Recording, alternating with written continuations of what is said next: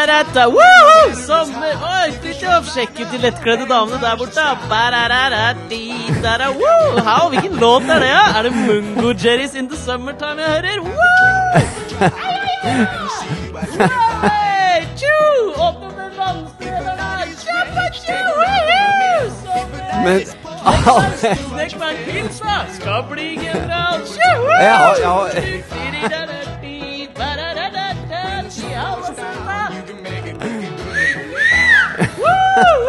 OK, kutt.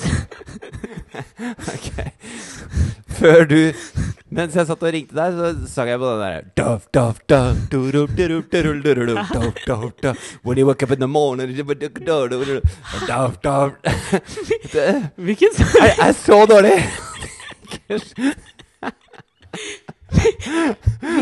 Hvilken sang? Altså, jeg har ikke Den derre. Chemical Brothers. Duff, dov, dov, durup, durup, durup, durup, Å ja, den, ja. Og så rapper de da, ut When you wake up in the morning Don't look back. Det heter den. Er, den ikke mer sånn bam, bam, bam, Pam, pam, dum, bam, bam, bam. Jo, men jeg gikk liksom ikke helt opp i fistelfarmasia, da. Ja, OK. Nei, jeg, Hva, hva feiler deg? Du er jo helt i hundre. ja, men altså, det her uh, skal gi deg en et øyeblikk, et øyeblikk. Nå så jeg du løfta en øl. Ja. Åh, San Miguel. San Miguel. Drinking San Miguel is like uh, being in a canoe. Fucking close Yes. to water. Åh! Starter Starter dagen med litt humor. Velkommen Ja. til denne humorfylte timen av Alex og Fridtjofs podkast. Hvor Alexander Nyhagen resirkulerer gamle, gode, kjente, kjære vitser som han ikke har funnet på selv. Jo, men det Altså, talent borrows. Fucking close to, Genius fucking close to water har du ikke funnet på selv. Nei, jeg sier talent borrows, genius steals. Den fant jeg på sjøl. Nei, Ja. ikke det. Du, jeg skal si deg at uh, grunnen til at jeg begynte uh, med uh, rent auditivt å male opp et bilde av en flott, solfylt sommerdag Ja. Da gjennom Mungo Jerry's In The Summertime. Visste du forresten Ja, at men det var mye mer enn Mungo Jerry der. Altså, du hadde du hadde hele kontentumet av en, av Ja. en dampende, pulserende bar på Ibiza. Eh, 24 blowjobs senere spanderte hun en drink på en dame. Sånn følelse hadde jeg. Du har sikkert lest den artikkelen? Akkurat det jeg gikk etter, faktisk. Ja, jeg har lest denne.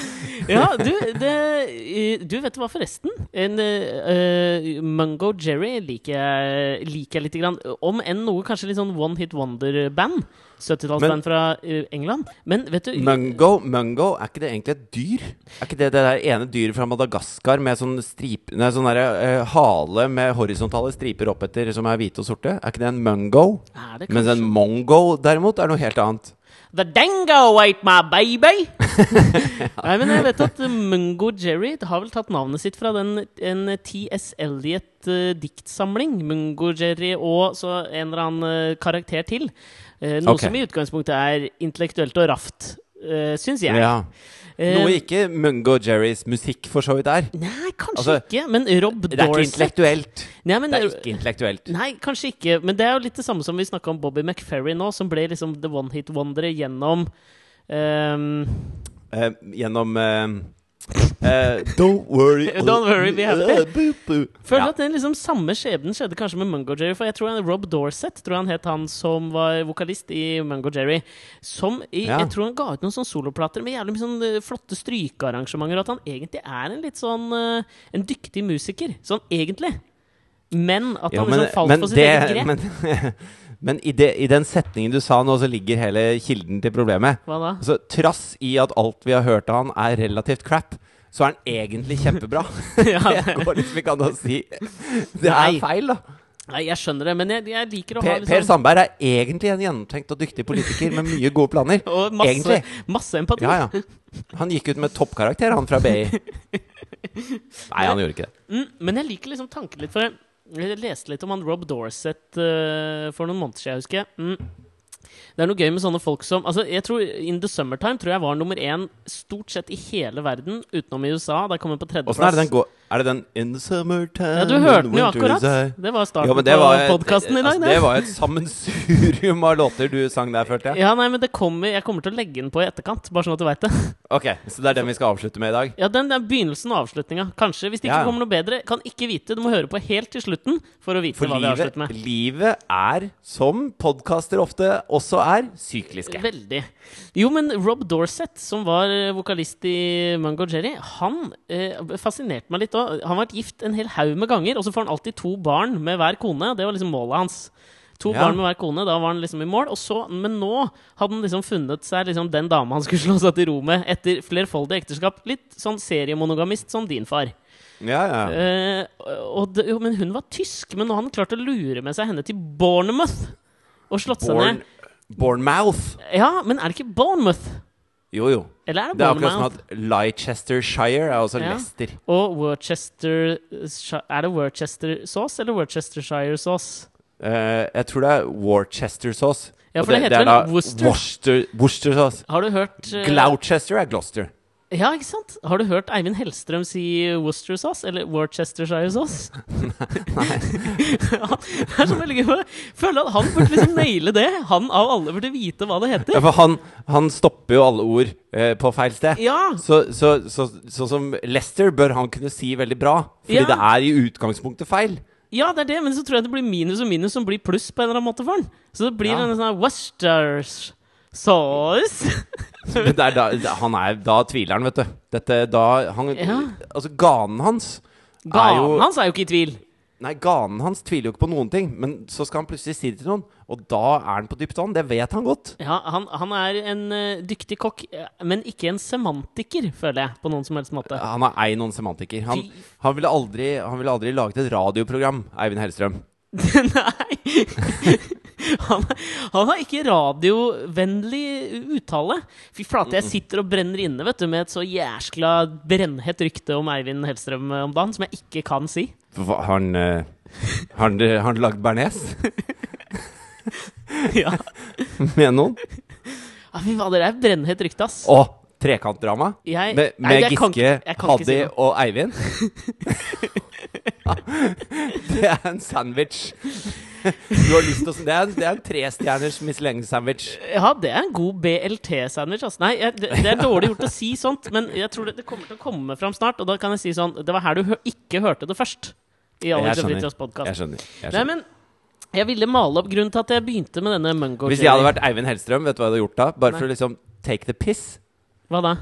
Hvis, hvis Eivind hadde hørt på punk, vet du hva Eivind Hellstrøm hadde gjort da? Nei. Hvis Eivind hadde da, hørt på The Clash, liksom? Ja, eller mye mer punka enn det. Sånne svenske punkeband som ingen har hørt om, som selger tre plater og sånn.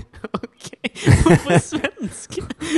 Ja, for det er så litt punk å, å, Å være være svensk- svensk? Ja, Sven Sverige er faen meg punk, ass. Nei, det er så lite punk. Adelsstanden Altså, med, hvis du har adel Jo, i ikke den delen av Sverige, men Ja, okay. Sverige har noe punk i seg. Akkurat som Zlatan er liksom en sånn derre sossepunk da i Sverige, på en måte. Ja, men Zlatan er litt punk, det kan jeg være enig i.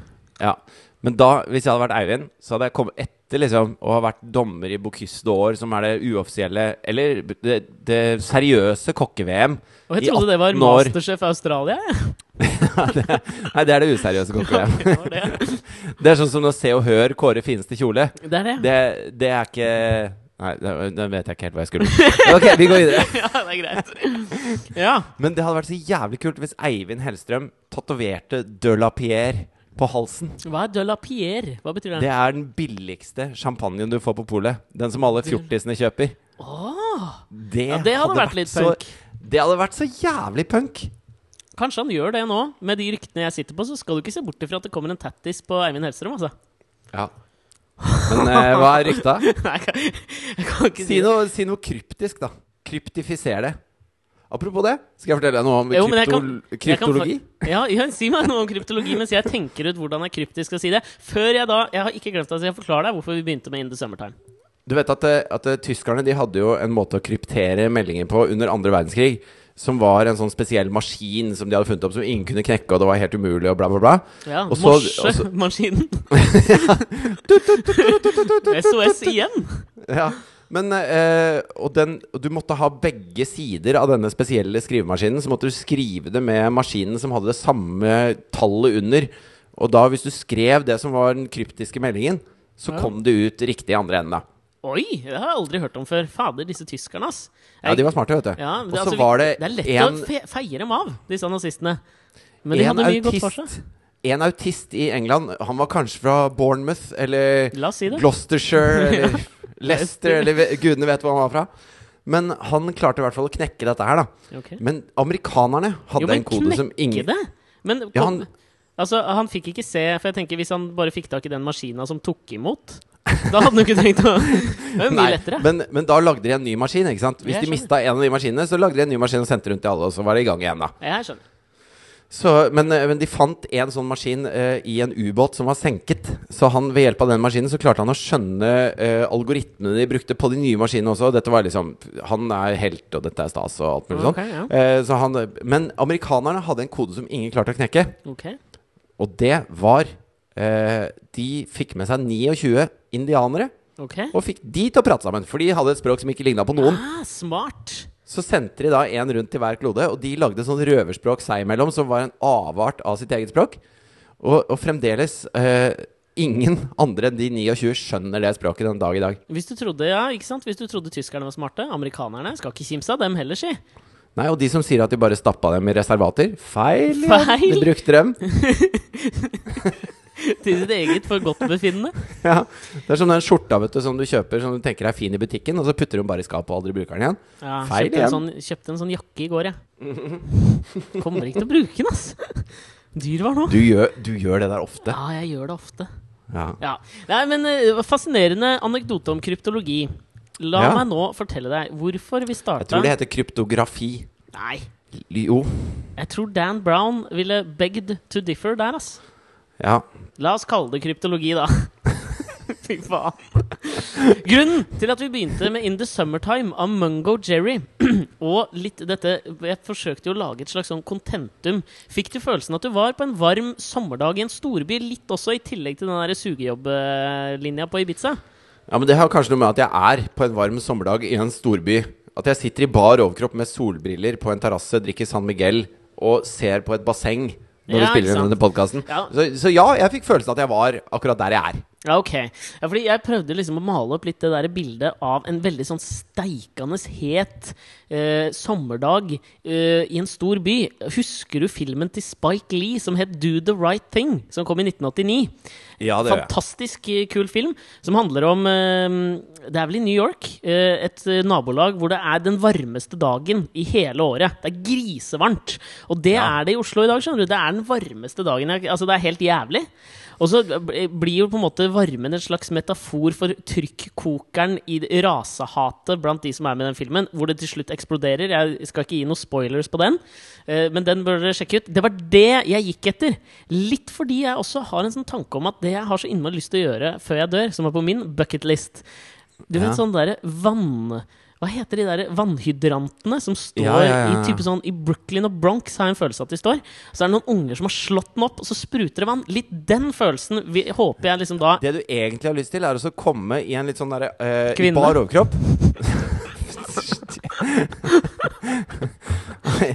ja, og det du egentlig har lyst til å gjøre, er å komme i en kvinne, Mhm. og så etterpå ta på deg mm. Drite i å ta på deg den skjorta du kjøpte som var en feiltagelse. Mm. Bare gå ut i bar overkropp, flikke opp skateboardet med de slitte Conversene dine, Ja. mens du drar på deg en slags sånn der avrevet olabukse, lys olabukse som du har laget om til shorts sjøl, yep. med masse hull i. Så skate nedover gata, så ser du bare barna som leker i denne hydranten. Mm. Så bare eh, oller du lett opp på fortauet, kipper skateboardet opp mot vinduet til godt brød, går inn i dusjen og lar deg bare komme på av den hydranten. Det er det du vil.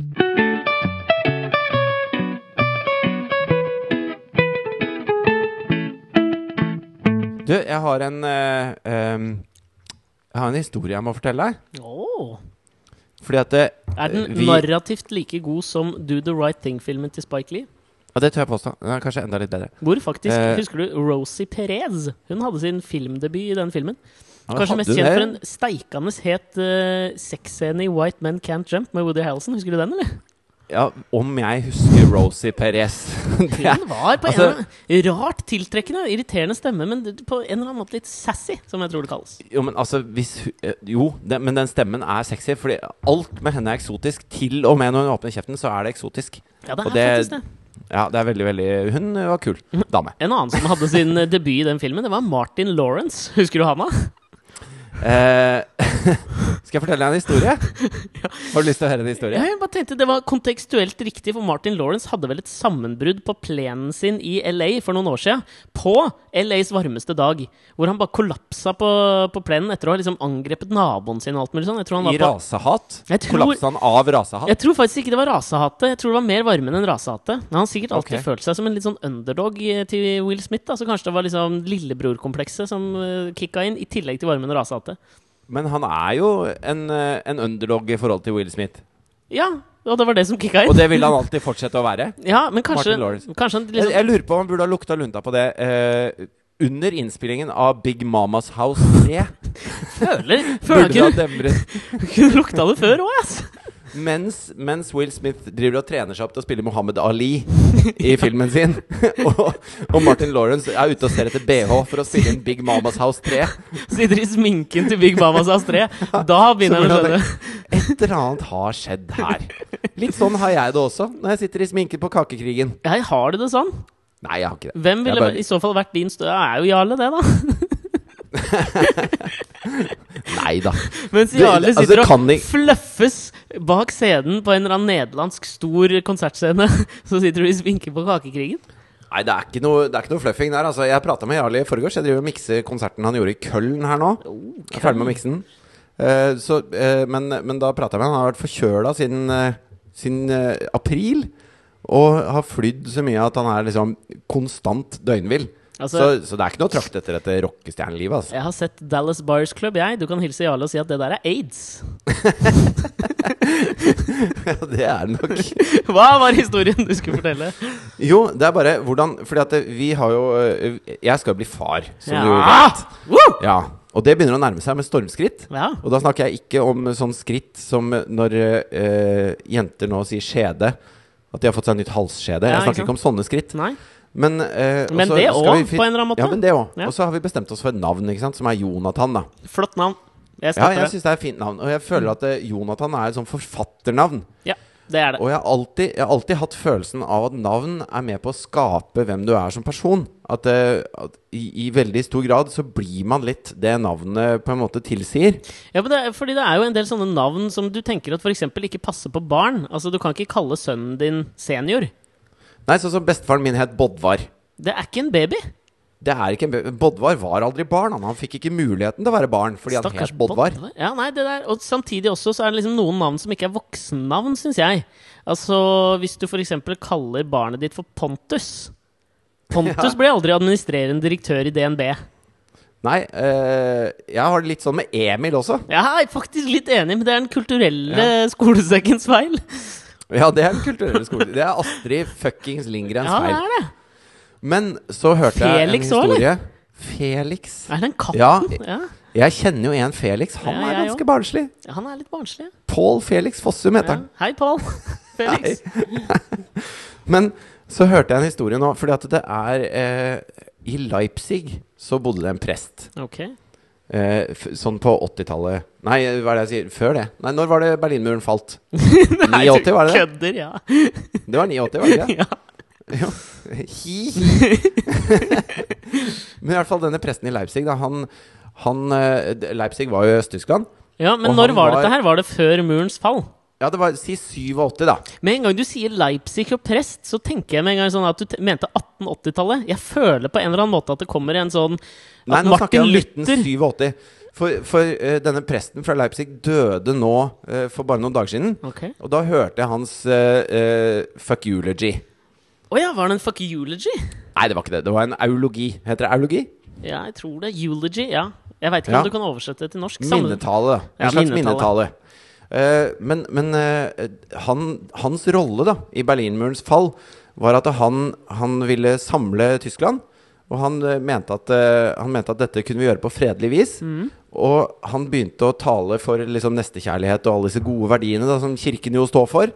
eh, i Leipzig, og, og fikk samlet da uh, mange mange tusen mennesker til fredelig demonstrasjon, som marsjerte med tente lys mot uh, eh, altså Russlands eh, skarpskodde hær.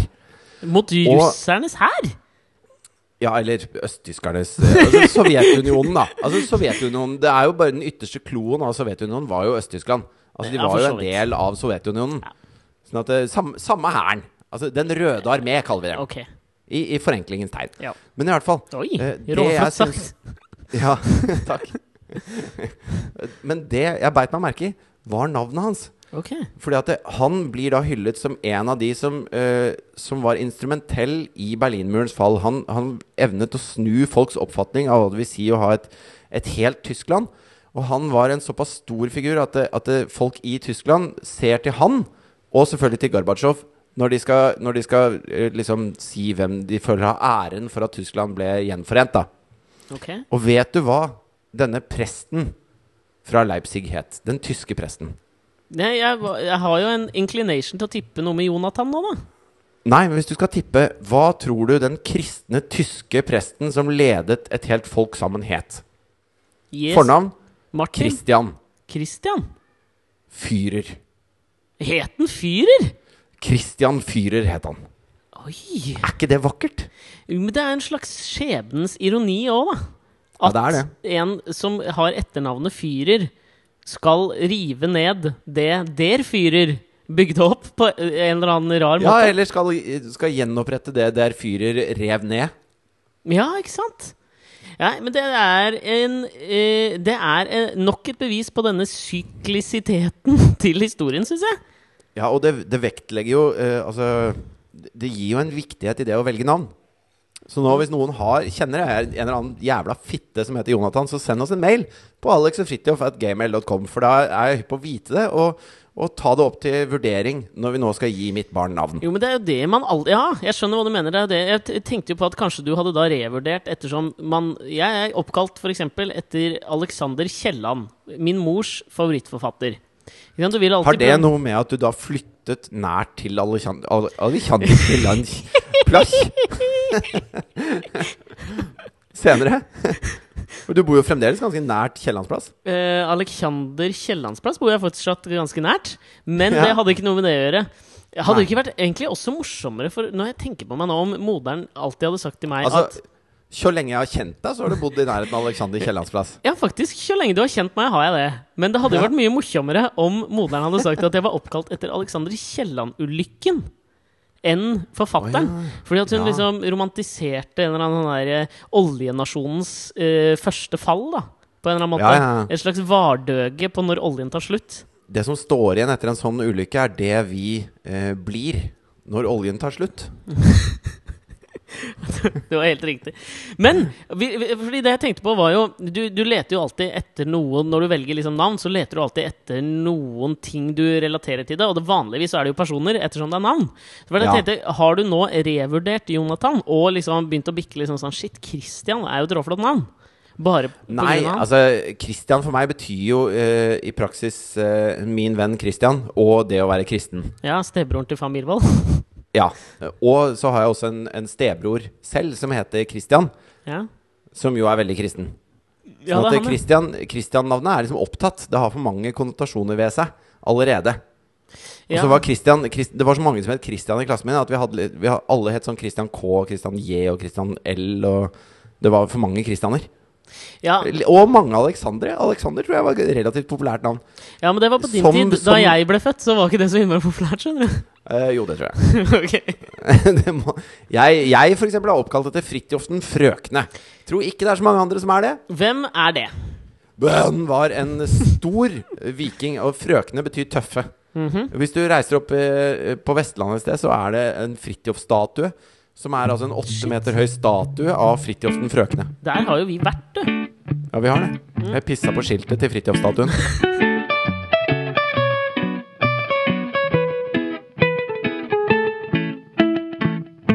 Altså Før vi fortsetter dette, her så er jeg nødt til å snakke litt om deg og kroppen din. Ja. Fordi at det, når, når vi sitter og spiller inn denne podkasten, så er jo jeg i Spania. Jeg er i Torrevieja, du er i Oslo. ja. Og, når, når, og vi gjør det via Skype. Og når jeg da ser på deg, så Som ser denne jeg podkasten er sponset av. ja, Så ser jeg da en eh, Du vet, sånn eh, middelaldrende fyr Hei. sitte på kjøkkenet sitt eh, i sort T-skjorte, bla i avisen, Ja. og, og drikke et glass øl. Og så reiser du deg for å hente litt mer øl. Og hva ser jeg da? En litt kort, litt trang boksershorts, bare bein og hvite tennissokker.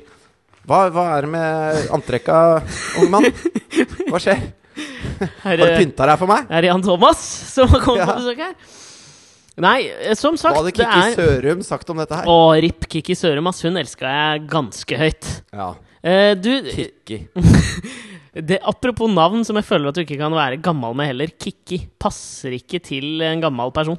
Nei, og Hun prøvde jo febrilsk å kle seg så ungt hun kunne, fordi hun følte at hun fremdeles var en Kikki. Sp Ja. Sprakende farger, rare hårsveiser. Et slags Masse altså Nesten sånn Bursum-sminke hadde hun til tider. Ja, faktisk. Ja. Hun brant ingen kirker, så vidt meg bekjent.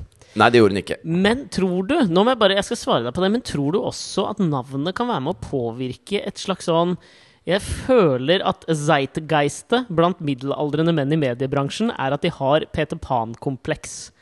Enig? Altså at de, at de aldri vokser opp? At Ja, de, er evig unge? Ja, de vil ikke bli, de vil ikke bli voksne på en eller annen måte. Tror du Så når Harald, når Harald Rønneberg sitter i stolen sin og kommer med en eller annen flåsete sånn bemerkning, så er det Petter Pan-syndromet som kicker inn for fulle mugger? Ja, jeg vil påstå det, ass. Ja, ok, greit. Men ja, ja det fins kanskje liksom bedre eksempler på hvem som har Peter Pan-komplekset. Ikke det at jeg kom på noen akkurat nå.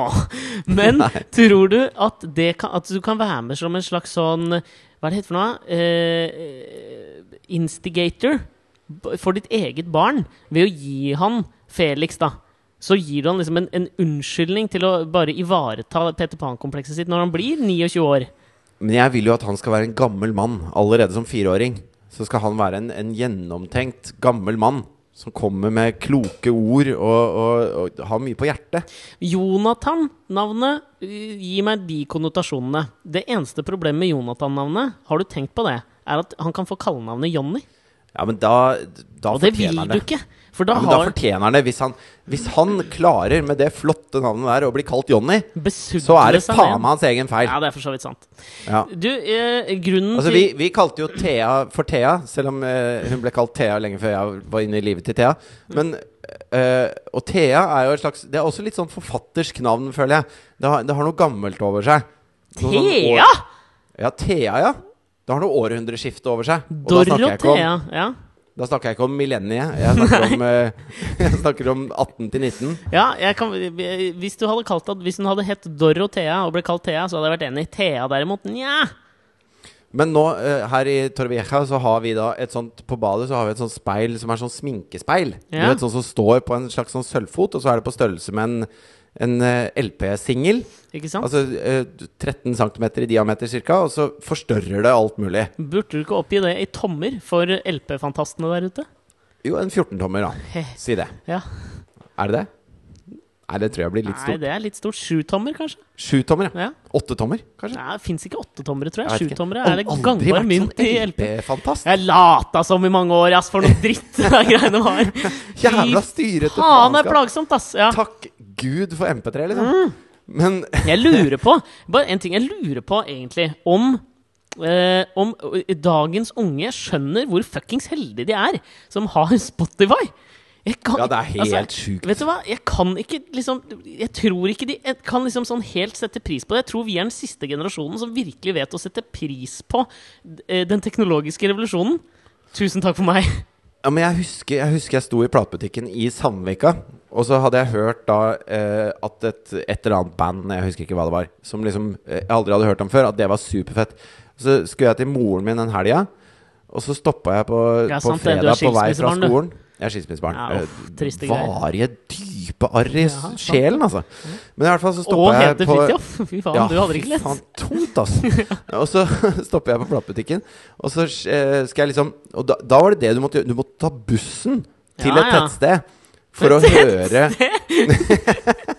Minst! Men det var jo ikke noe der du bodde, liksom. Og det var på den tida hvor. Drammen var et tettsted. Tenk litt på det. Ja, ja. ja. tygg på den pølsa, du. Ja, fy faen. så, og, så, og så eh, stilte jeg opp, og så spurte jeg har du den og den. Og så ja, og så lette den litt bak, og så kom den fram med CD-en. da Og så fikk jeg på meg et sånt Sennheiser-headset, og så det- satte han på på den. Mens jeg sto da og bladde i coveret og eh, hoppa fram og tilbake i låtene og sånn. Og det slukte meg helt. Jeg elska det. Og så spurte jeg har du mange av den her. Og så sa han nei, jeg har bare den. Og så åh, fy faen, ja, men jeg skal til moren min, og jeg har ikke, jeg har ikke penger her, liksom. Eh, kan du holde den av til mandag? Og så sa han, vet du hva, ta den med deg, du. Og så kommer du og betaler på mandag. Hvor, hvor jeg Altså, den, den fullstendige lykken jeg følte da, når jeg, når jeg stappa den ned i skinnsekken, kasta den over skuldra og tok bussen inn til Oslo for å ta båten over til Nesodden og dra ut til mutter'n, med den CD-en og vite at nå er helgen reddet. Nå har jeg underholdning hele helgen. Og det var første gang du hørte Mungo Jerry's In The Summertime. Ja, det var det. Og siden det jeg elsket det På B-siden altså- B-siden til singelen til Mungo Jerry In The Summertime så var det en jævlig sånn uh, Litt sånn avantgarde-versjon av en gammel Woody Guthrie-låt. Dust Pneumonia Blues, tror jeg den het. ja, Og der fikk vi avslørt at du kjøpte den singelen. ja, jeg eier den. Jo, det, jeg husker det der så jævlig godt Men da tenker jeg på de ja. bortskjemte fittene som vokser opp i dag, som aldri Altså, Eller skal vi si bortskjemte? For de vil jo aldri oppleve den gleden. Nei, det er nettopp det. De er Har du hørt det, så bare uh, Jepp, nå har jeg hørt det. Syns ikke det var noe stas, jeg. Videre. Jeg vet det, de er, de er frarøvet den gleden, og det er, altså, de, de kommer aldri til å få oppleve det, og det er jo ikke deres egen feil. Og Nei, nei. I, I bestrebelsen med å gjøre verden enklere og mer eh, komfortabel, så har vi tatt fra dem eh, evnen til å nyte ting som er vanskelig å lage. Ja, jeg veit det. Der det, det, Faen, det der Det er nesten Altså, hvis jeg ikke hadde skulle forklare deg hvorfor jeg går i de klærne jeg går i, så skulle jeg sagt med de visdomsordene skulle vi gått en bumper. Men det skal vi ikke. Tilbake til det mundane. Jo, men det jeg skulle fortelle om dette sminkespeilet her oh, ja! Det var at Thea skulle dusje da etter en lang dag på stranda. ja. Og så uh, skulle hun bare på do først. Og så går det liksom et kvarter mens jeg venter på at hun skal bli ferdig på do, for, for at hun skal komme seg i dusjen. Og så sier jeg er, er, du, er du ferdig snart nå, Thea? Ja, jeg er ferdig. Ja, ok, men skal jeg vaske håret ditt? Ja, det kan du gjøre. Ok. Og så kommer jeg inn på badet, og da står hun altså naken, syv år gammel, med sånn breibeint, litt kniks i knærne, og har satt dette speilet ned på bakken og stirrer seg selv opp i rumpa og tissen. Og så sier hun 'se her', da! Og jeg bare sånn Nei, nei, nei. nei. Hva, nei. Hva er det du driver med nå? Sett på plass det. Gå i dusjen. Så Nei, du må jo litt ikke Kroppen er jo ikke Du må ikke være skamfull over kroppen. Jeg er jo ikke skamfull, men jeg bare det, Hva du gjør på badet, liksom, det er opp til deg. Hva Men- sier du til sjuåring? Hva du gjør på rommet ditt, skal ikke jeg blande meg opp i. Nei, det skal jeg ikke. Men jeg skal ikke være med på noe Jeg skal ikke kikke på noe sånn speil som forstørrer alt mulig. Det, det er helt uaktuelt. Så, så setter hun opp speilet og sier Men det er jo en hel eventyrverden der. Sier. Og jeg knekker jo fullstendig. Ja, hva faen? Altså Å, herregud. Hun er bare sju. Hva faen er det som venter meg framover? Åh, jeg er redd, Alex. Jeg er oppriktig redd.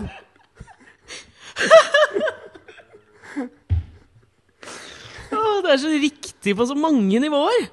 Og så feil! Og så innmari Samtidig. feil. Jeg begynte å se på den nye sesongen av eh, Orange is the New Black. Denne Netflix-serien om Piper Chapman som eh, er i kvinnefengsel. Syns den var litt dritt, ass. Ja, den likte jeg, ass. Jeg syns den var nydelig. Sesong to Kan også. jeg- Hakket hvassere, Kan ikke jeg få lov å si at den var litt dritt, da? Ja, men da syns jeg den er bra. Du syns det er dritt. Der har du dynamikk med en gang, da, vet du. Men skal jeg fortelle hvorfor jeg syns den er dritt? For det ta syns jeg er kjempeinteressant. Ja, gjør det. Altså Min egen, min egen mening syns jeg er utrolig interessant. Ja. Og du lager podkast? Ja. Jepp. Ikke, det er ikke lov å si. Er det ikke det? Nei. Nei. Jeg tror meksere sier det. Mens de leser i blekkene sine. Jepsi Pepsi, sa mekseren mens han leste i blekka si. Høres ut som et Yahya Hassan-dikt. Fortsett. Ja, Det høres ut som noe Ingvar Ambjørnsen skriver for å virke ung. Ja, for så vidt. Peter Pan-kompleks. Han altså røyker mye pott. Skikkelig, da! Han bare sitter her Er det noen som har noe bra Marokk? Det er sånn den store revejakta si. ass. Faen, fikk et party med heftig Marokk. Nei, slutt. Hvorfor syns du den er ræva? Bønna, bønna Nei! solgte noe, solgte noe brunost til noen innvandrere på Rykken og sa det var Marok. Tjente 200 spenn, så slapp han å rane fargefjernsynet til mora si.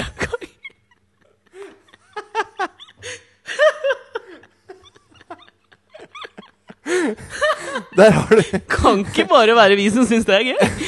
Ja, Der står det Hvis, hvis Ingvar Ambjørnsen hadde funnet på det, så han skrevet det bakpå Bare bakpå boka, så var han ferdig med hele innholdsfornøyelsen på boka si. Du kan ikke Jeg får ikke Jeg, får ikke, jeg har brista et ribbein. Det kan vi komme tilbake til. Men derfor gjør det jævla vondt å le sånn som det der. Ah. Hvorfor syns du Orange is the New Black er dårlig? Nei, fordi at de prøver å være jævlig morsomme hele tida. Altså, er- her har du muligheten til å lage en god historie. Du har uh, kjempekarakterer, og så detter du inn i sånn derre dårlig sånn, eh, sånn derre Hollywood-pup-humor-drit. Jo, Som men, ødelegger den egentlig gode historien som ligger der. Ja, men Jeg kan skjønne hva du mener, ass, men jeg tenker at de har lagt inn det lille pupekrydderet for å tekkes de brede massene, sånn at de får små dråper av god historie gjennom hele greia. Men poenget var at i den nye sesongen der så oppstår det en situasjon eh, hvor en del av disse innsatte kvinnene ikke er så innmari kjent med sin egen eventyrverden. Slutt å flekse i bari! Fy, fy faen. Én San Miguel, Skype er fett, ass. Uansett. Der eh, oppstår en situasjon hvor en del av disse kvinnelige innsatte ikke kjenner sin egen eventyrverden. Eh, de har ikke gjort det som Thea gjorde. Og jeg tror det er jævla nyttig, for det som, eh, det som viser seg, da, som åpenbarer seg for mange av disse kvinnene, er at det kvinnelige kjønnsorgan består av en del deler som de ikke visste at fantes der. De visste f.eks. ikke at kvinner tisser ut av et annet hull enn de sekser med. Enn de føder med. Enn de mener føder med, da. Ja, Eh, føder av ett hull, tisser med et annet. Og så lærer de f.eks. at eh, klitoris kan ha en liten flapp over seg. Sånn at du må brette tilbake liksom, klitorislua noen ganger hvis du vil da stimulere den. Altså, de Bortsett fra Moss, for der er det ikke lov å gå med hette. Er det ikke lov å gå med hette i Moss? Nei, eh, hvis du går med hettegenser og har hetta på, så er det ansett som truende oppførsel. Og det kan bøtelegges av politiet. Det tror jeg også han Simmermann borte i USA kan eh, skrive under på. Han er eh, Hvis han hadde hett Jonathan Han heter riktignok George. Hvis han hadde hett Jonathan hadde George? Heter han ikke ombestemt meg. Robert? Nei, han er George Simmermann, ja. Uansett. han heter han het George. George Simmermann! Det er ikke så jævla punk Det er faen meg en av grunnene til at Sverige ikke er så jævla punk. Det er at de er så dårlige til å prate engelsk. Jo, men de trenger det ikke. George Washington. men de er liksom store nok inni seg selv. Det er vi som trenger å prate et annet språk for å virke tøffe. Dansker og svensker og sånn. De, de er, altså I Malmö Du trenger ikke prate engelsk for å være tøff i Malmö. Du kan prate bare malmøsk. Jo, nei, men eh, Poenget mitt var bare det at jeg tror ikke du skal være så kjapp til å avfeie Theas utforskning av sin egen eventyrverden. Som en slags Alice som faller ned i dette kaninhullet, kanskje. Eh, Jo, men jeg vil ikke være den kaninen med hatten. Skjønner du? Altså Hun må gjerne dette ned et kaninhull for min del. Ja. Men jeg, jeg blir ikke med. Nei, det er for så vidt greit. Jeg kan skjønne det. Men kanskje hun trenger veiledning? Kanskje hvis hun Nei, liksom nei, hun trenger ikke veiledning med et forstørrelsesspeil. Altså, det kan jeg, si, jeg kan si det med en eneste gang altså, hvis, hvis Asta noen gang kommer til å Altså jeg havner i den situasjonen, da skal jeg, faen da skal jeg, være, da skal jeg bidra og forklare, kanskje ta fram en pekestokk eller en sånn laserpeker, og så inn og vise henne hva Så hun er kjent med sin egen kropp. Kjenn deg selv. Men- Altså, Asta er jo Hun, hun finner jo ikke engang skrubbsårene mellom sine egne valker. Nei, det er for så vidt sant. Men vi var på vei et eller annet sted. Jo, jeg skulle forklare deg hvorfor jeg gikk så jævla lettkledd. Og da har jeg jo allerede avslørt litt, og det er pga. denne ribbeinsskaden jeg har klart å pådra meg. Fordi nå Ja, hva var det som skjedde med det? Nei, men det, Altså, du, når man får seg skader, så Hvordan knakk du? Hvordan knakk du, Jo, altså, Nyhagen? det er det jeg skal, jeg skal komme til det. Men liksom, poenget er jo noen ganger at noen skader er jo liksom sånn kule å ha. Altså Jeg, kunne, jeg drømmer f.eks. om å ha et sånt over halve kroppen, f.eks. sånn haibitt. Da, der har du conversation-starteren din der. Hvis du har et sånt highbit, da har du liksom alltid en historie å fortelle, og du virker mer interessant. Ikke sant? Ja. ja. Eller øh, Altså, et eller annet Altså, du fikk jo da vi var på hytta til vår gode venn Lars, så skulle vi skyte med rifle, og du fikk rifla i panna da du skulle skyte, og så begynte du å blø og fikk en liten sånn halvmåne. Og så Skuddskaden min! Skuddskaden min! Med en gang du kan si at det er en skuddskade, selv om det blir kalt et eller annet sånn øh, eller annen Hva er det kalles? da? Jomfrumånen eller noe sånt? Tror jeg det kalles blant uh, Ja, det gjør det sikkert. Men jeg, jeg kaller det en skuddskade. Det var en skade oppstått i forbindelse med sk skudding. Ja, og skuddingsskader er jo fett. Og en skuddskade, ja? Ja, ikke sant? Med en gang du kan si det, det er kult. Ja. Deri ligger mitt problem når jeg skal fortelle dette her. Fordi For eksempel for et par år siden så husker jeg så uh, noen sånn rød løperbilder av Brad Pitt med en stokk. Hvor han eh, ble, fikk selvfølgelig spørsmål hvorfor i all verden går det med stokk, Mr. Brad Pitt. Hvor han måtte fortelle at han liksom hadde skulle plukke opp dattera si og hadde strekt, eh, strekt noe. ikke sant? Det er ikke så kult. Og det er i det landskapet min skade ligger. Ok. Eh, fordi det som Sa han forventningsfullt? ja. Nei, det som skjedde, var at vi skulle jo reise hjem fra ferie. Uh, og dette hadde jeg ikke helt liksom Jeg hadde anerkjent det, men ikke sånn ordentlig forrige gang vi spilte inn podkast. Jeg hadde litt vondt i ryggen. Men så hadde jeg liksom eh, sovet på en jævla vond seng eh, de to ukene vi var i Portugal. Den var jævlig hard, sånn at jeg liksom var forbanna støl da jeg sto opp ikke sant? hver morgen. Det, ikke, det blir verre. Slapp av. Sov du Sov du så hardt at ribbeinet ditt knakk? Nei, ikke, det kommer mer. Okay. For det som skjedde da, var jo at vi kom til flyplassen, og så gikk vi rundt på flyplassen. Da bar jeg Asta i en babybjørn. Ja, maskulint plagg. Ja. La meg bare gi som en liten teaser. Det er en slags eh, magesekk. Altså en ryggsekk bare med barn i som du har på magen. Inspirert av kenguruen, eller? Ja, litt kenguru. Men litt høyere enn kenguruen. Jeg føler at da har du nedi Da har du en susp med plass til Asta i. Det er jo, Det det er er, mer sånn kengu. det er jo noen menn jeg har sett på sånn uh, megalomani-programmer. eh, hvor, Ja. de, hvor, hvor det er noen sånne menn som, som uh, prøver å få liksom Guinness-rekord i å ha størst pung i verden. Ja. Hvis jeg hadde hatt Asta mellom beina, da hadde jeg liksom matcha deres størrelse på pungene, føler jeg. ja men men hvordan, hvordan går man fram i å få stor pung? Du kan injisere et, øh, et Ok, vi går videre. Ja. Greit. greit. Nei, og så bar jeg henne på, øh, i babybjørnen i ganske mange timer på flyplassen der. Også, du vet, når man går inn på sånne fly uh, i Syden, så må man ofte Ja. ta buss fra gaten til flyet. Og det skulle vi jo, og da jeg går inn der, så måtte jeg liksom sette meg, liksom strekke meg til setet, for det var liksom, liksom langt bak, og jeg hadde jo på magen og ville ikke liksom bende beina hennes og sånn. Og så kjente jeg det liksom strakk meg, og så kjente jeg sånn, oi, nå skjedde det et eller annet. Og så var flyturen hjem et helvete, for jeg hadde veldig vondt i ryggen. Tenkte ikke noe særlig mer på det. Hadde veldig vondt da jeg kom hjem. Og til slutt så bestemte jeg meg for at vet du hva, nå går jeg bare til kiropraktoren og får knekt opp dette her. Det viste seg jo ikke være så jævla lurt når du har bristet eller brukket, det veit ikke ennå, et ribbein. At en fyr driver og knekker på ryggen din da, det er ikke noe god idé. Men en kiropraktor som, som, eh, som ikke finner ut at du har brista et ribbein, men, men knekker deg isteden, er jo ikke en veldig dyktig kiropraktor. Jeg kommer jo ikke til å gå tilbake til Klinikk for alle på Storo i Oslo. Nei, det ville jeg faen ikke gjort. Nei, det var jævla irriterende, ass, fordi jeg, det var jo sånn det skjedde. At jeg liksom bare satt meg litt fort, og så janka jeg tydeligvis til et eller annet, og var allerede støl og stiv i ryggen. Så det sugde Altså, hvis- jo hvis- slapp pingvinkukk, for å si det mildt. Hvis noen har driti i hamburgeren din, og, og, Hvordan i all verden Eivind- skal du lage en analogi med driting i hamburger til dette her? Og hvis du da spør Eivind Hellstrøm hva er galt med denne, og han sier du har jo ikke tatt ketsjup på. Åh! Skjønner du? Eh? Men så snur Eivind han seg det, Så snur han seg til sida, og så ser du den De La Pierre-tatoveringen hans, og så tenker du ok. Samtidig som Eller, du vet at eller det Eller Døla-Per, som alle kidsa kaller det. Skal ha en dølaper. Er det det de kaller det? Ja. Er Dølaper den nye svarte enke? Er det den? Nei, gule enke. Veuve Clicquot. Nei, for det var, det var den du kjøpte når det var nyttårsaften, liksom. Dølaper var Det kunne du drikke på mandag.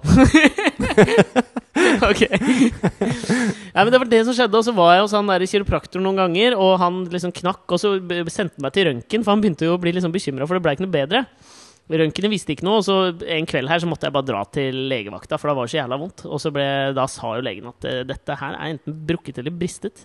Og det er ikke så lett å se på røntgen. Men det er en sånn flau skade å ha, eh, fordi det har ikke oppstått liksom i en slåsskamp hvor noen prøvde å gi meg et nyreslag, og jeg liksom hoppa akkurat til siden sånn at han traff rett i ribbeina. Det var når du skulle sette deg ned i et sete på en buss. Ja, med babybjørn. Men det kan jo ikke ha skjedd da. Jo, han mente det, han legen. Men hva vet Hva jeg? er du lagd av? Er du lagd av liksom, Hæ? Nei, jeg veit ikke, jeg. har, Men du, har du et skjelett av ukokt spagetti? Det kan, det kan godt være. For jeg husker når, altså når vi spilte inn uh, den uh, debutskiva til Span, okay. så var vi i noe som het Rack Studio i London. Rack. jeg husker vi syntes var litt stas, da, fordi at Michael Fordi Jackson rack og betyr både gitarrack og pupper. Nei, men fordi Michael Jackson hadde vært der og spilt inn The Girl Is Mine sammen med Paul McCartney, og hadde Oi. bodd i da det leilighetskomplekset som hører til Rack Studios, hvor vi også bodde, da. Og når vi begynte å bli ferdig med den skiva, så hadde vi en slags Undervurdert eh, låt, eller? Kan vi si det? Den låta syns jeg er råflott. Ja, fin låt, fin låt. Bedre enn eh, Mundo Jerrys eh, Ok, videre. Det er jeg ikke sikker på, men ja. Jeg tror det å være rockemusiker er det eneste stedet hvor på en måte arbeidsgiveren din kjøper sprit til deg. For han syns at du er kulere hvis du er full, enn hvis du er edru på jobben. Ja, Skjønner du? ja det kan jeg Ja, jeg ser den.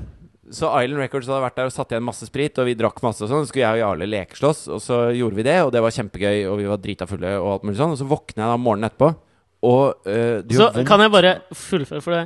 Og så hadde lekeslåssinga gått over til noe annet. Nå legger jeg på litt sånn romantisk musikk under her, bare sånn at du vet det. Lekeslåssinga utviklet seg. Vent litt, vent litt. Jeg skal bare hente en øl fra kjøleskapet til Kåre, så kommer jeg tilbake igjen. Ok.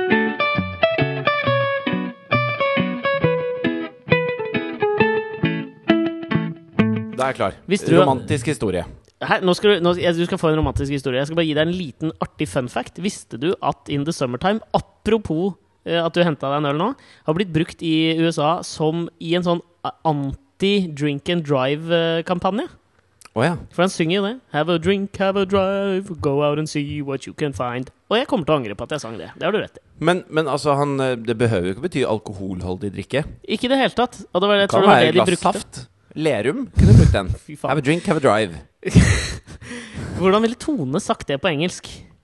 Eh, det, det skal jeg ikke prøve meg på. Jeg er så dårlig på dialekter.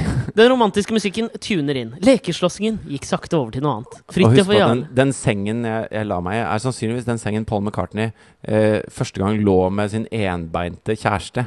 Ja, Heather Mills, ja. For ei fitte! Ja. Var de sammen allerede da? Nei jeg bare finner på. Ok. Den Når Michael Jackson musikken lå og onanerte. Ja, det kan det godt ha vært. Det kan det godt ha vært. Til Det bilder av det var pels på gulvet på badet. Det var heftig. Åh, liker ikke det, ass. Føler at det er en smittebærer av rang. Ja, men det er det. Ok, den romantiske musikken tuner inn. Jarle og Fridtjof kaster seg rundt på gulvet. Åh, ikke slå meg der. ikke ta meg der, jeg er så kilen. Kvelden utvikler seg, de drikker mer øl. Oi, jeg er full. Jeg òg, sier Jarle. sier Fridtjof. Jeg blir så knisete i fylla. Åh, skal vi dra ut på byen? Ah, nei, jeg er så sliten. Trøtt. Ut. Jeg er ikke så uthvilt, om du vil. Skal vi gå på rommet mitt, sier Jarle. Ok, sier Fridtjof. De klapper hverandre på ryggen som gamle venner, slik menn gjør for å kamuflere sin gryende homoseksualitet. Au, det var hardt. Spol 24 timer fram. Nå har jeg tunna ned musikken igjen. Nå kommer det kanskje litt sånn at man, Litt sånn anger Altså anger og angstfylt musikk.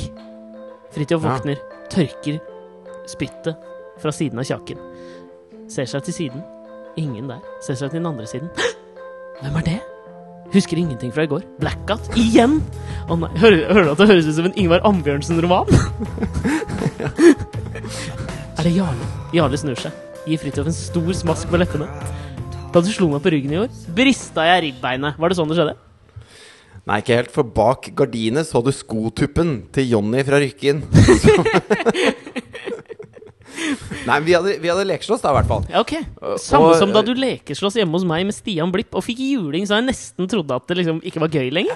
Jeg fikk litt juling av Stian. Sterk fyr, ass! Veldig sterk, trass sin, sin, sin lave framtoning. Men i hvert fall Så våkner jeg, og så uh, puster jeg inn. Og så gjør det vondt å puste, da. Og det er jo et dårlig tegn. Alltid dårlig tegn. Når man har eh, sikkert røyka altfor mye og drukket altfor mye. Så tenker jeg nå må jeg kulen, liksom. Dette funker jo ikke. Røyka Tjall, Så, eller? nei, eh, sigaretter, da. Røyka Jonas, som jeg har hørt at det kalles nå? Jazztobakk. Nei, har du Det, hørt det? det, det var det Ingvar Am Ja. Ambjørnsen han røyka jazztobakk. Men apropos det å kalle ungen sin noe, nå, nå har vi jo Jonas litt sånn off limits, ettersom det er et slang på weed. Å jaså, ja. Da veit du det. Det visste jeg. Jonas og Jonathan, samme slekt i familienavn. Ja, det er positivt navn. Jo da. Eh, men, men i hvert fall så, så går jeg da til Så får jeg anbefalt en, eh, en osteopat som heter Guy Gold. Oi. Som er, som er en veldig vellykket osteopat. Ja, I. London. Han har et navn som oser vellykkethet. Ja, ja. Så kommer jeg til Guy Gold, og han, eh, i motsetning til din kiropraktor, da. Så tar han en slags helhetsvurdering av hele legemet mitt. Og så sier han at eh, Jeg lurer på om du har bristet ribbein. Hvordan, si det på ut. engelsk, da. Nei, det kommer jeg ikke til å gjøre. Okay. Uh, og så tar han fram en stemmegaffel. Vet du hva det er? Ja. Ja, det er, Spørsmålet altså er om sånn- lytterne veit det. ja, det, er en, eh, det er noe man kunne kjøpe sammen med LP-platene sine i gamle dager. Tenk, Se for dere sånn hvis du skal ha rotisserie chicken, som du stikker inn på hver side av kyllingen for å få den til å snurre rundt på et sånt spyd.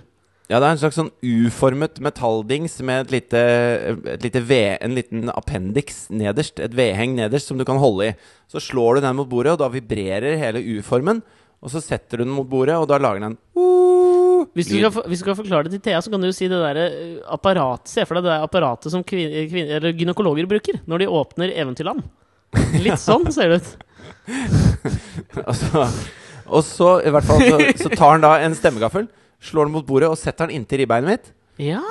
Smart! Og så, og så gjør det kjempevondt. Ja, Og så sa han at du har brista ribbeinet.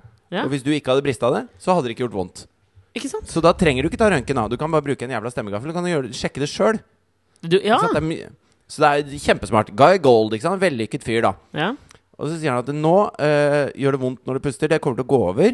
Men så kommer du til å få vondt akkurat her bak i ryggen. Og så peker han et punkt bak i ryggen. I overmorgen. Mm. Spår Guy. Og det gjorde jeg. Og det er jo fordi at det er muskler da, som da holder det på plass. Og Shit. alt mulig greier. Nostragaimus. oi, oi, oi. Ordspill. Ekvilibrismus. Ekvilibrosme. Takk.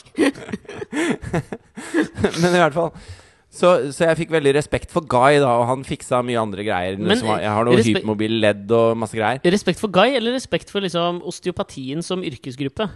Nei, men Han var jo altså en, en eh, cutting edge osteopat i tillegg. Oi. Sånn at han hadde noen osteopatiske tendenser som, som uh, gjorde han rik, Ja. på en måte. Ja. Guy Gold. Okay. Men så, noen måneder senere, uh, så uh, var jeg ute og jogga. Okay. Og så var jeg sammen med Er det på tide en å tune inn den romantiske musikken igjen, eller? Nei, jeg trenger ikke det. Okay. Men du, du kan gjøre det. Ja, jeg gjør det. Ja. Det var en regntung formiddag i London.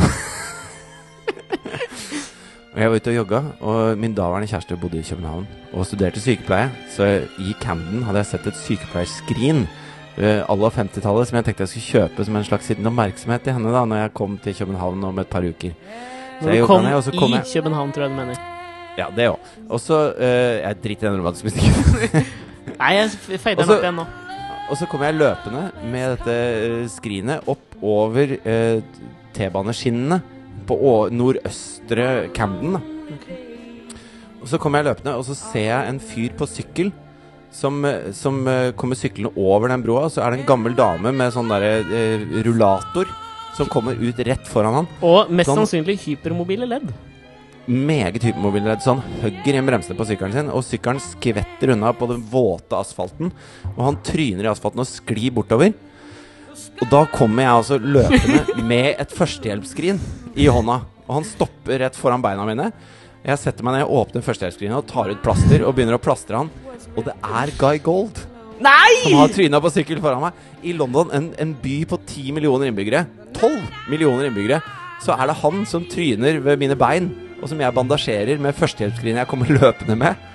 Og siden da har jeg alltid fått gratis timer hos Guy Gold. I found a dream that I could speak to. A dream that I can call my own. I found a thrill. Her eh, ved bassenget i Torvieja så er det jo en, en veldig fast gjeng, kan man si, som kommer. Har en sånn pantertanter-følelse. Ja, men det, det er ikke så langt unna virkeligheten, altså. Og i døra så sitter da Iranza. I døra! Ja, for det er ikke hvem som helst som slipper inn til dette bassenget her. Å ja, skjønner du? det er ikke Wermansen. Slett ikke Værmannsen. Okay. Så uh, Maite, da, som driver kafeen, hun er jo en slags bauta som sitter i bakgrunnen og drikker sånne små snitt med øl og røyker sigaretter og ser på alle gjestene og kjenner alle ved fornavn og alt mulig sånn. Okay, for Og en sånn alder bare på, på Maite, bare sånn at jeg Maite er kanskje 55-57. Ja, vi, må bare, jeg, jeg, vi må si det hvis noen ikke har hørt på forrige podkast, at hun heter ikke Marte med talefeil, hun heter Maite.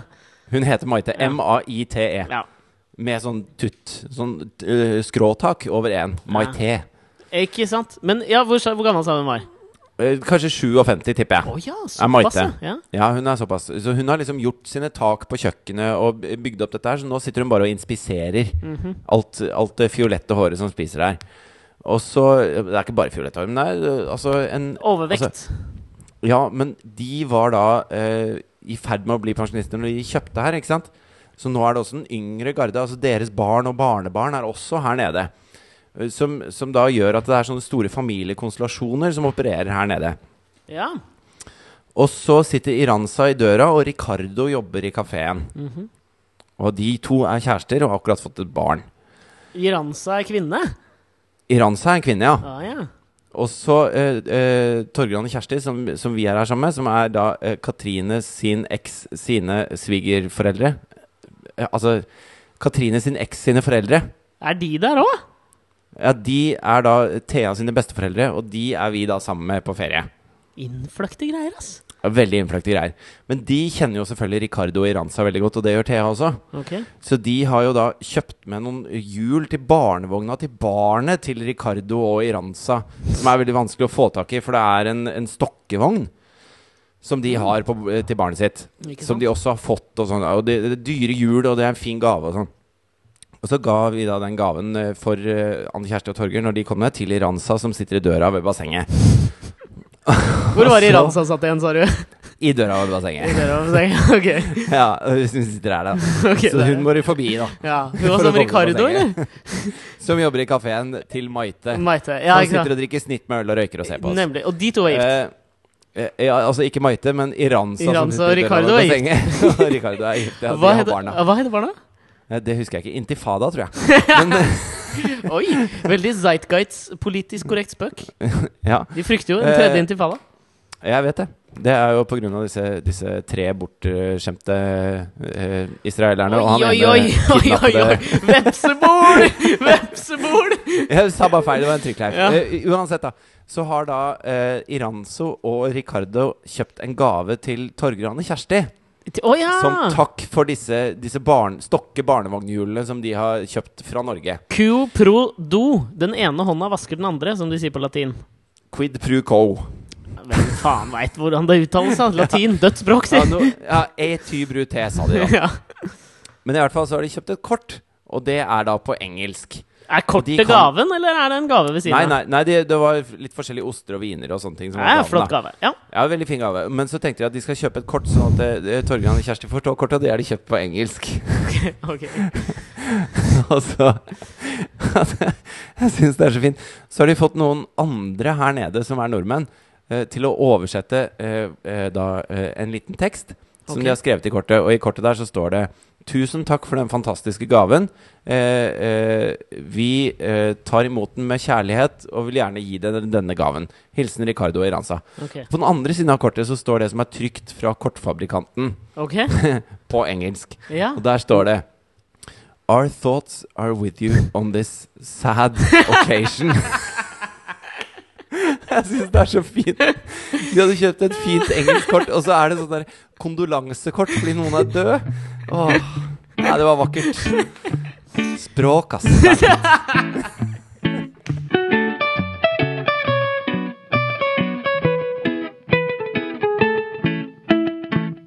Du, før vi avslutter i dag, så har jeg lyst til å Hæ?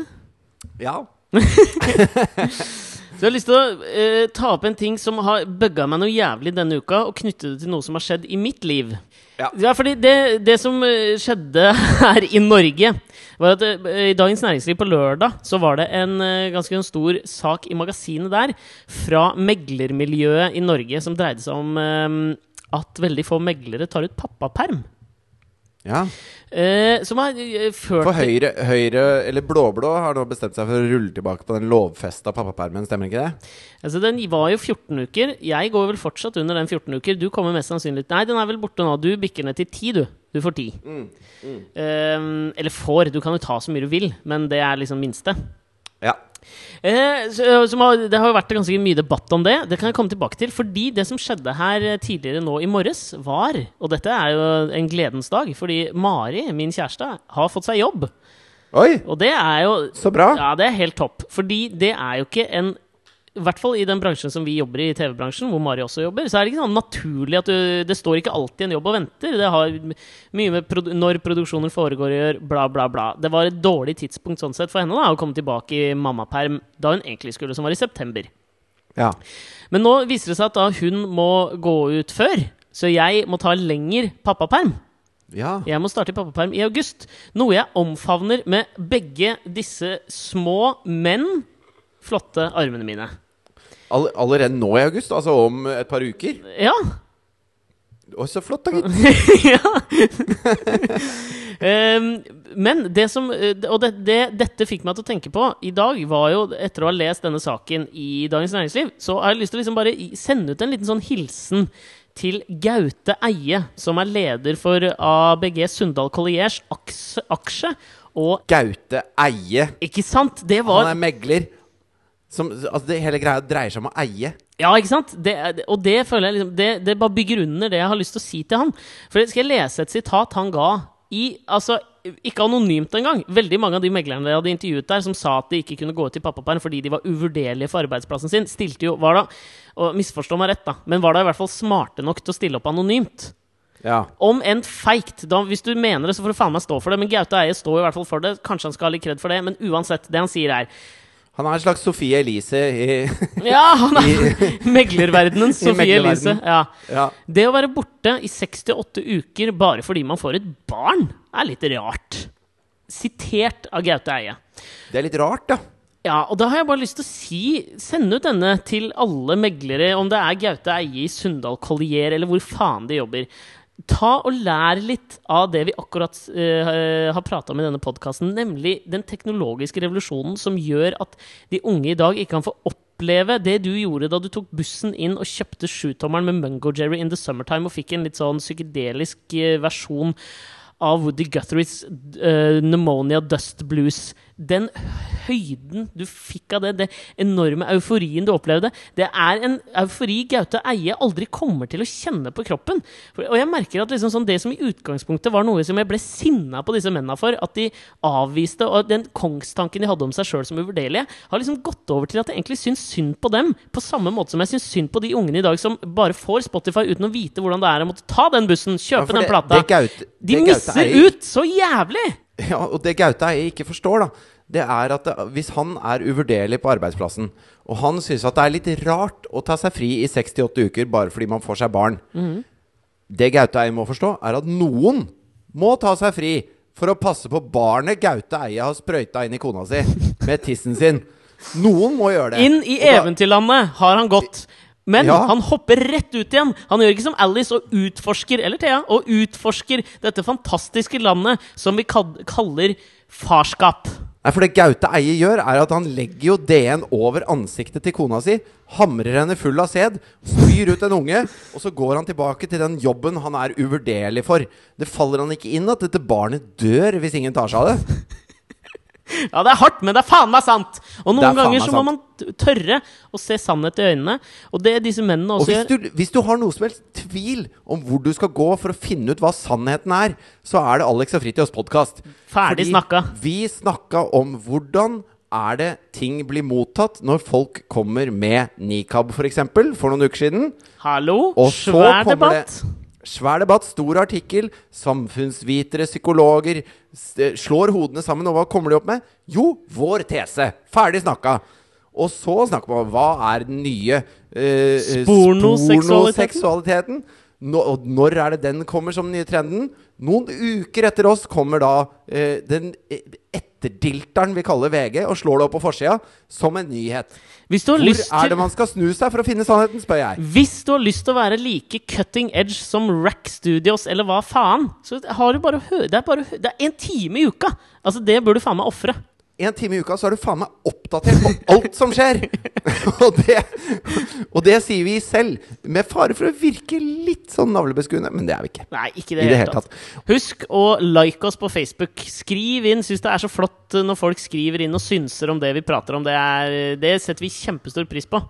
Ja, og vi får jo sånn derre eh, statistikk fra hvordan det går med denne podkasten, hvor mange som hører på og sånn, og den har hatt en, en liten oppsving i det siste, og nå nærmer vi oss snart 400 000 nedlastinger. Visste du det, Alex? Ja, det følger ikke jeg med på. Det gjør du. Nei, det gjør jeg. Tall, ass. Tall er verden. Elsker tall. Kos deg i Torrevieja, og så ses vi vel kanskje over et bord neste gang. Er du hjemme da? Ja, la oss gjøre det. Ok, nydelig. Da høres Hvis du ikke er i pappaperm, da.